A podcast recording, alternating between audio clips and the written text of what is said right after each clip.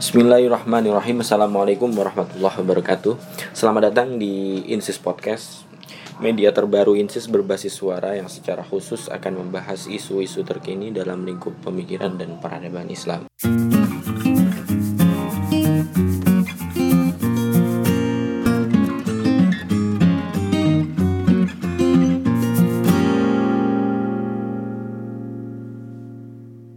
Ada satu hal yang ingin saya uh, tekankan di sini, persoalan uh, cara pandang terhadap masalah atau cara pandang terhadap uh, realitas di sekitar kita. Seringkali uh, orang melihat sesuatu itu bercampur dengan cara pandang yang dia peroleh selama perjalanan hidupnya kalau orang itu besar di sebuah lingkungan yang katakanlah yang sekuler.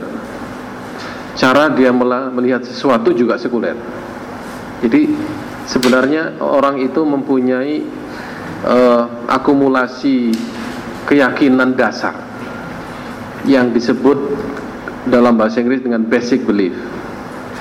Keyakinan dasar selama hidup ini akan berakumulasi dan berakumulasi sampai ketika dia tua itu akan menjadi sebuah keyakinan keyakinan yang dia miliki itulah sebenarnya yang dia gunakan untuk hidup orang tidak hidup dengan ilmu ya ilmu itu hanya supporting uh, apa namanya elemen di dalam kehidupan seseorang yang sebenarnya menentukan hidup seseorang itu adalah cara pandangnya. Cara pandang seseorang itu mempunyai dampak terhadap perilaku orang. Ya, apa yang dia kerjakan adalah apa yang dia yakini. Nah, kalau seseorang meyakini sesuatu, dia akan mengerjakannya itu sesuai dengan keyakinannya. Ya. Uh, ada kemarin saya pergi ke sekolah Harisma Bangsa. Itu ada satu kata-kata yang agak aneh ya uh, jika seseorang itu tidak melak tidak menjalankan keyakinannya dia akan menjalankan sesuatu sesuai dengan keyakinannya. Sesuai dengan apa yang dia yakini.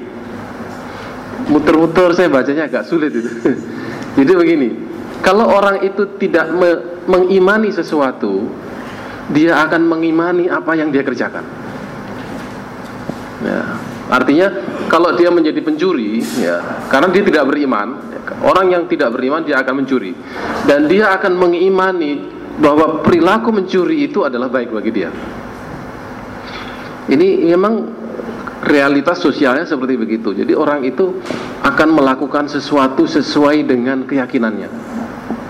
Nah, keyakinan di dalam diri seseorang itu didukung oleh akumulasi pengetahuan yang selama hidupnya dia kembangkan. Nah, orang-orang yang hidup di lingkungan katakanlah sekolah, perguruan tinggi, masyarakat yang sekuler, akumulasi yang dia peroleh adalah ilmu pengetahuan dan cara pandang yang sekuler juga. Ya, jadi kalau sekarang ini banyak kasus korupsi dan mereka adalah muslim ya. Kemudian jangan kemudian orang mengatakan loh itu yang koruptor orang Islam semua itu. Berarti Islam mengajar, mengajarkan korupsi. Kesimpulan ini terburu-buru. Kita lihat dulu dia dulu sebagai muslim belajar di mana ya. Kalau nggak nyantri kayaknya masalah. Yang nyantri aja masalah.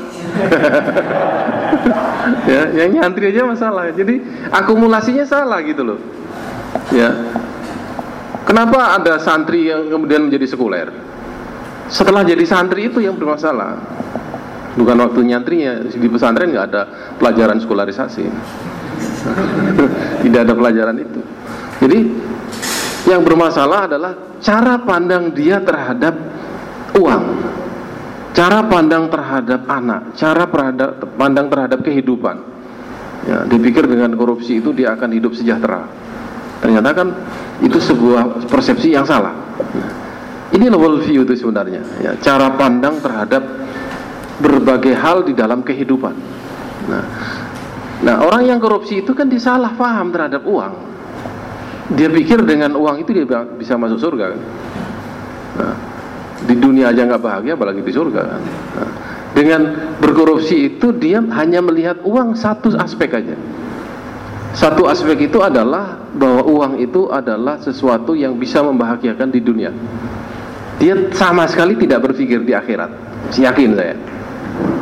Seorang muslim pasti melihat dua aspek atau aspek yang lain di balik realitas itu yaitu bahwa uang itu adalah rezeki, uang itu adalah uh, uh, pemberian dari Tuhan, uang itu mempunyai berkah di belakangnya. Itu uang. Kalau masih agak kurang paham, yang paling real itu istri. Bagaimana Anda melihat perempuan? Nah, dan bagaimana perempuan melihat laki-laki? Kalau tidak ada dimensi di luar itu, pasti itu bermasalah. Yang namanya rumah tangga kan ada masalah terus. Ya, ketika Anda mengalami masalah itu dan Anda tidak melihat apa di balik uh, kewajiban berumah tangga, bubar itu pasti. Makanya artis-artis sering cerai itu karena nggak ada nggak ada niatan untuk menikah untuk ibadah. Ya. Sampai cara kita memilih suami dan istri pun kan ada dimensi di luar itu. Kalau anda milih, milih istri, ya pokoknya cakep deh, cakep, tajir. Nah, itu yang fisik kan. Coba jalani dengan hanya itu, pasti pernikahannya bermasalah. Karena orang cakep pasti diingin orang lain kan. Nah, so, so, so, pasti itu. Ya. Orang pas, orang cakep itu laris. Ya. ya. Apalagi di Jakarta ya. Di, Jakarta. Ini orang apalagi begitu yang lakinya cakep, istrinya biasa-biasa aja. Wah, gampang sekali itu. Ya. Godaannya paling besar itu. Ya. Nah, ini berarti cara dia melakukan proses pernikahan itu hanya satu dimensi aja tidak ada dimensi yang lain bahwa saya menikah ini adalah ibadah nanti melahirkan anak anak untuk uh, supaya dia apa namanya berbakti orang tua mengirimkan pahala selam, sesudah saya meninggal dunia. Anak adalah uh, titipan Tuhan dan seterusnya dan kita mempunyai tanggung jawab mendidik. Itu kan di luar yang fisik anak saja banyak sekali ya. Istri ya.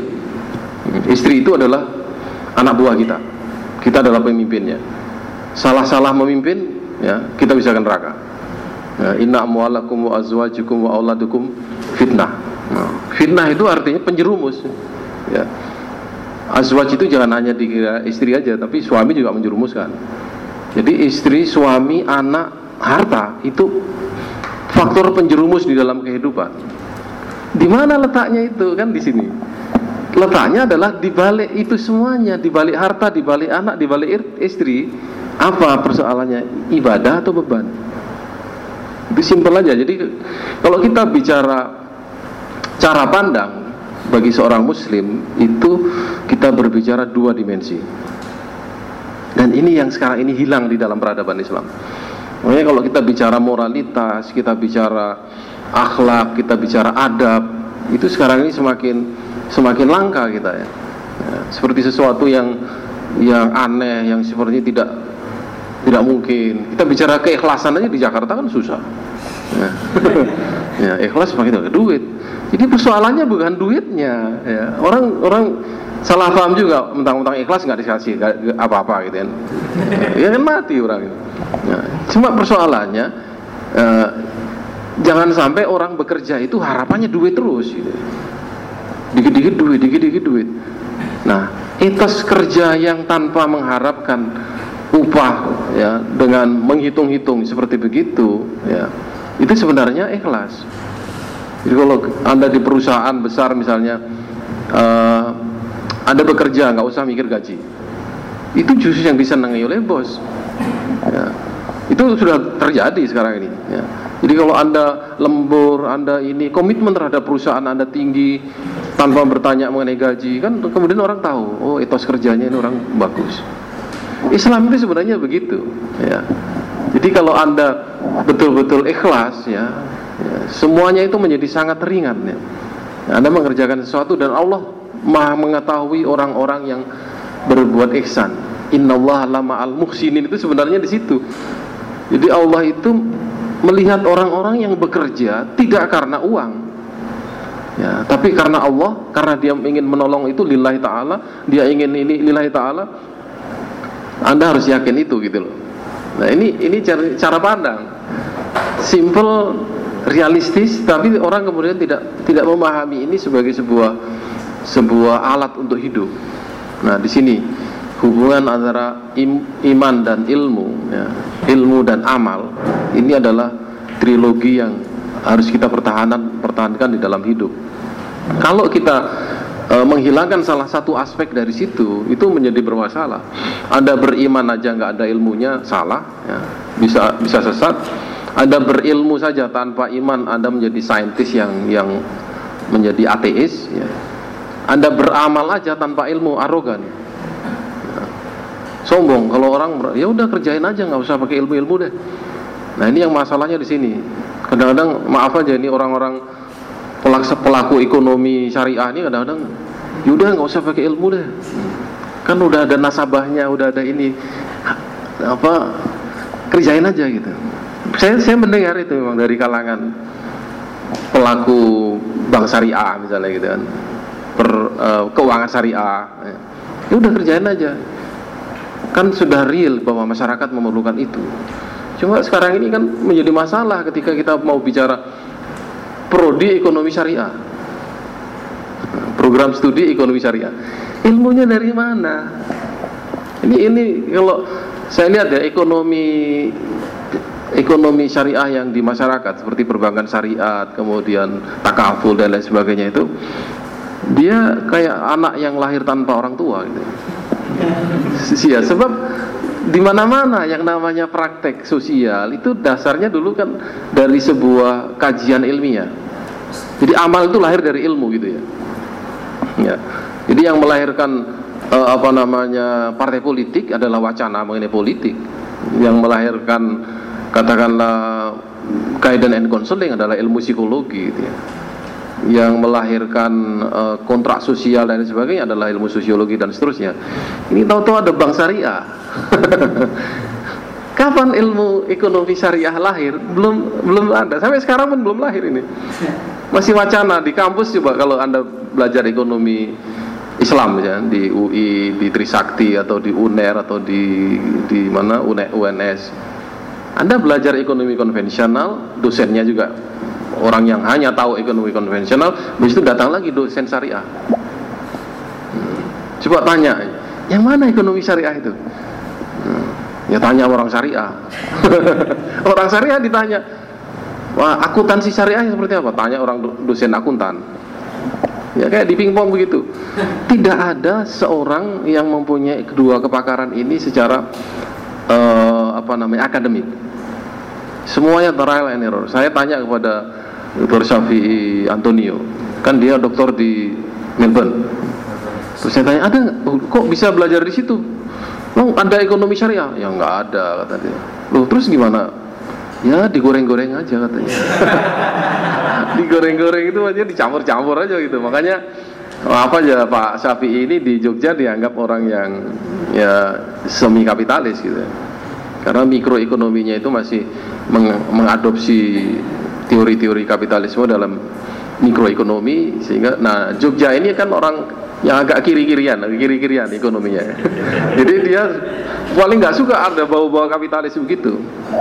Nah ini ini menunjukkan bahwa uh, keilmuan kita dengan praktek-praktek yang kita lakukan di dalam masyarakat khususnya dalam bidang ekonomi nggak nyambung. Nah, sekarang kita sudah berpartai politik. Prodi politik Islam kan belum ada di di UIN atau di fakultas mana pun ya. Prodi ekonomi Islam apa politik Islam. Di Surabaya tuh ada prodi politik uh, filsafat politik Islam. Hmm. tapi kalau udah punya partai. Hmm. akhirnya partainya kaku bukan partai Islam nih. Nah, ini partai nasionalis. Ya. kita ini terbuka. Nah, saking terbukanya auratnya kelihatan. Ya ini ini apa yang terjadi? Karena apa? Tanpa ilmu tadi ya. Kemudian ya maaf aja ini ada juga yang pokoknya kita harus berdiri negara Islam dulu gitu. Nah, ilmunya nggak ada mau dirikan negara. Pokoknya kalau udah berdiri negara Islam semuanya beres. Nah, di mana coba? Ya hukum. Hukum ya, hukum hukum aja sekarang orang Indonesia yang udah uh, apa setengah abad lebih ya merdeka. Sekarang masih mikir KUHP. KUHP masih mau dibikin. Apa kemudian berdiri negara Islam KUHP jadi gitu? Enggak jadi. Ya, banyak hukum Sekarang ada ribuan hukum di Indonesia, undang-undang gitu ya. Apa dengan berdirinya negara Islam semuanya selesai Quran dan hadis gitu. Kan enggak enggak enggak bisa.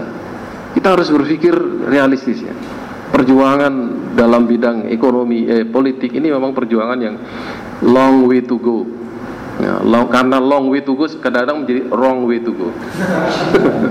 Jadi salah-salah gitu ya. Nah ini ilmu dan amalnya nggak nggak seimbang. Maka ini di mana-mana kita harus apa namanya sounding dia bahwa amal itu harus pakai ilmu dan ilmu seorang muslim harus mempunyai basis keimanan. Nah, kalau Ghazali bilang kan ilmu tanpa amal itu uh, ilmu tanpa amal itu sia-sia, amal tanpa ilmu sombong. Ya, dia dia bekerja aja tapi nggak ada ilmunya, itu satu kesombongan. Uh, ilmu tanpa amal sesat. Karena orang barat itu sekarang kan sains dan teknologinya luar biasa perkembangannya.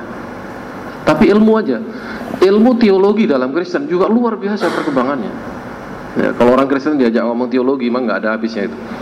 Dia bisa tiga hari tiga malam ngomong Tuhan, tapi nyembah Tuhan seminggu sekali. Lain kan? Kita nih tiap hari, nah, katanya agama cinta. Ya, masa ngadep Tuhannya cuma seminggu sekali? Ya, kalau soal cinta kita lebih cinta Tuhan kita.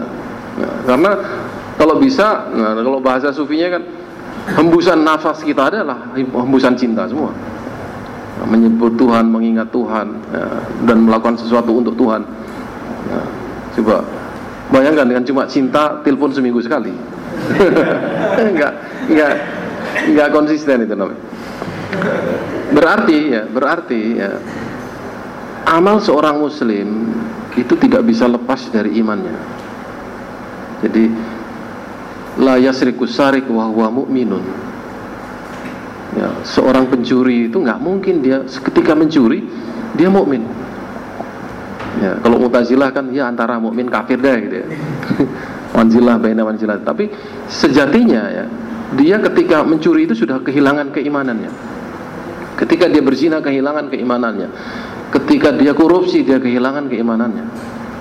Berarti ya keimanan yang di dalam hati kita itu ya, itu adalah keimanan yang memang built in dari Tuhan.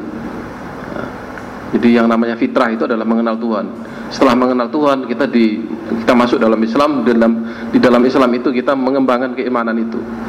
Nah di dalam diri kita ini sudah ada keimanan.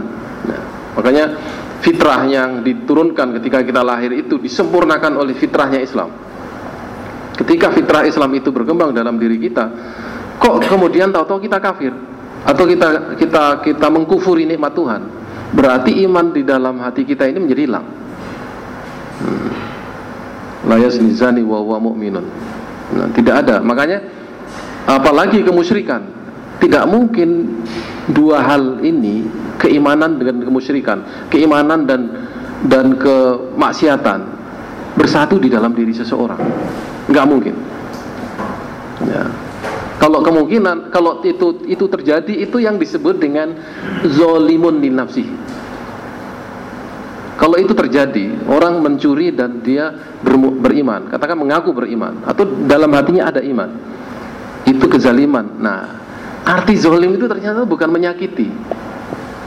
Zolim itu bukan menyakiti seorang. Oh, apa menganiaya orang. Oh zolim kamu. Bukan itu Zolim itu secara konseptual adalah meletakkan sesuatu bukan pada tempatnya. Ya mencuri kan sebenarnya bukan karena mengambil sesuatu milik orang lain, bukan. Meletakkan milik orang lain di dalam rekeningnya. itu namanya mencuri. Nah itulah kezaliman tuh di situ sebenarnya. Nah, di dalam diri kita itu meletakkan kemusyrikan di dalam hati yang ada imannya itu namanya kezaliman. Nah, kalau kita meletakkan sesuatu pada tempatnya itu namanya keadilan. Adil. Nah, seorang muslim itu mestinya harus adil. Ketika orang adil, di situlah dia sudah mendekati ketakwaan. Nah, makanya jangan meletakkan uh, apa namanya uh, kezaliman ke dalam hati kita yang sedang yang beriman. Wala yalbisu imanahum bidzulmin. Tidak yalbisu itu bukan bukan uh, ya kalau dipakai menggunakan boleh juga. Jangan uh, jangan memakai uh, di dalam keimanan itu uh, jangan menggunakan jaket katakanlah gitu ya. Jangan menggunakan uh, jaket uh, kezaliman di dalam diri yang beriman.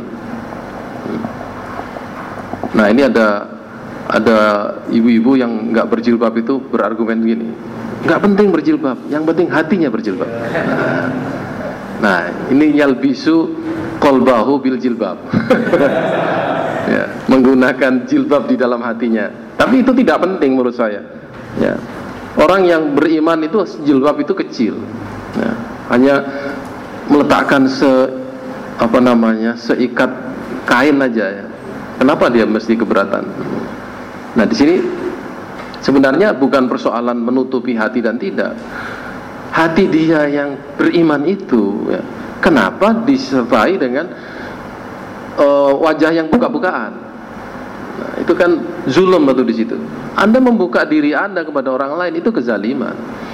Nah, nggak nasing tulus kan? saya berjibab atau enggak itu nasing tulus ataupun kalau anda yang yang serius misalnya saya hidup bersama bertahun-tahun sama orang. Dia rela saya juga rela. Kan nasing tulus itu. Tapi ini yang orang nggak paham bahwa anda sedang menzalimi diri anda. Ya. jiwa yang suci itu anda anda campur dengan jiwa yang yang kotor. Ya. nah di sini terjadi sebuah persamburan yang yang yang yang tidak diinginkan oleh Islam yaitu mencampur antara kezaliman dan keadilan, keimanan dan kezaliman. Ini nah, ini sebenarnya kembali lagi kepada cara kita melihat sesuatu. Kalau Anda bilang ini nggak apa-apa. Hmm. Ya, saya uh, uh, mencuri ini nggak apa-apa. Nah, kalau Anda melihat nggak apa-apa, nggak apa-apa itu ada persoalan di dalam diri kita. Hmm. Maka kita harus mengembangkan ilmu dengan iman itu simultan Artinya apa yang kita yang yang berakumulasi dalam diri kita itu ya, kalau bisa simultan dengan apa yang kita imani dalam diri kita. Ini ini worldview itu begitu. Maka manis dada ilman walam yasdad dan lam yasdad minallahi labu dan yang tambah ilmunya kok dia nggak tambah petunjuknya oh berarti ilmunya salah. Nah, atau yang tambah ilmunya tapi tidak nggak tambah imannya berarti ilmunya salah. Mestinya seorang muslim itu tambah ilmunya tambah imannya. Nah, di sini kembali kepada arti ilmu. Nah, ternyata ilmu bukan sains. Ilmu itu kalau di, diterjemahkan sains menjadi lucu. Berarti Albert Einstein itu seorang ulama. nah, kan ilm. Nggak bisa itu. Saintis menjadi ulama. Ilm dalam pengertian ini mempunyai dimensi iman tadi. Kan hadisnya jelas, barang siapa ingin dunia dia harus dengan ilmu. Ya, Nah sekarang kalau cuma sains dan teknologi yang dimaksud ilmu itu, kok ngerusak dunia? Ya, Barat itu serang dengan ilmu, tapi ilmunya bukan ilmu yang dimaksud dalam Islam. Dia menggunakan man arada dunya fa'alahi bil ilmi. Berarti siapa ingin dunia dia harus mempunyai ilmu bukan sains. Wa man aradal akhirah fa'alahi bil ilmi. Siapa yang ingin akhirat dia harus dengan ilmu. Masa dengan sains?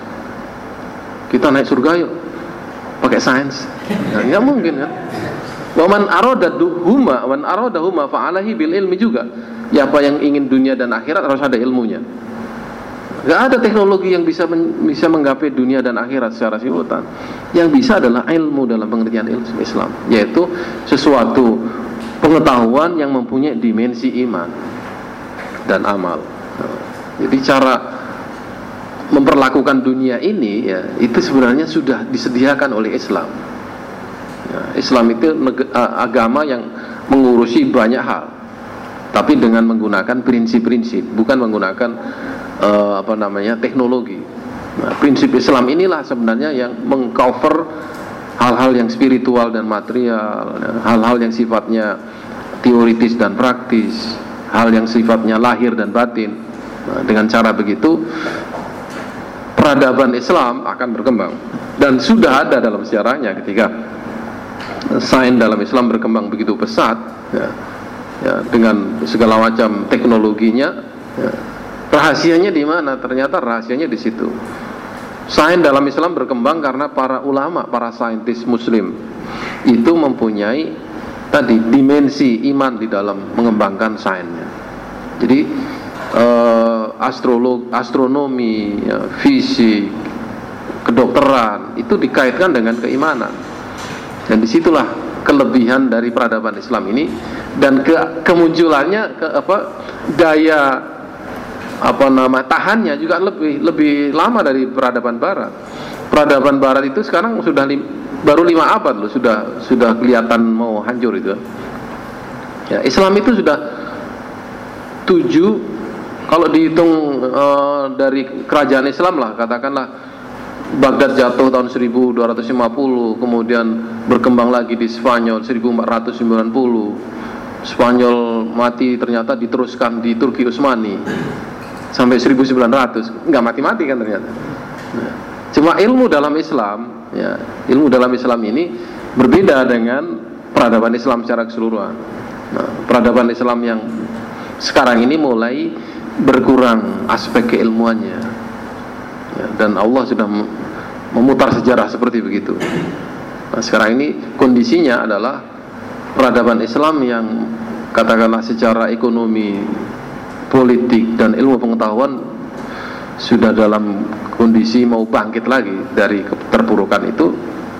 Dan uh, secara umum kita tidak mengatakan bahwa peradaban Islam itu hilang atau mundur. Tidak mundur ya cuma itu tadi aspek keilmuannya menjadi dikalahkan oleh aspek keilmuan barat yang sekuler. Kita didominasi di, hegemoni karena kelemahan kita. Nah uh, untuk supaya kita bangkit seperti peradaban dan Islam di masa yang lalu aspek yang kedua di balik realitas itu yang harus kita kembangkan. Makanya di sini sekarang kan di mana-mana orang berbicara nilai, bicara moralitas, bicara hal-hal spiritual. Itu di hampir di seluruh pendidikan Islam ngomongnya begitu. Cuma begitu melihat realitas kok nggak begitu gitu ya. ya. Di Malaysia sudah mulai uh, how to apply value into education. Nah, nilai. Ya. Kalau kita bicara nilai, memang menarik. Sekarang pendidikan karakter aja menarik itu.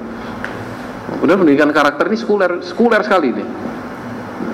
Nah, ternyata memang orang sedang kehausan dengan nilai-nilai yang itu sebenarnya warisan dari peradaban Islam. Nah, sumbernya tadi itu cara pandang lagi-lagi. Cara pandang terhadap realitas ini kita semakin dikuasai oleh cara pandang sekuler. Dan cara pandang sekuler itulah sekarang ini yang applicable untuk hidup di dunia saja tapi tidak untuk di akhirat.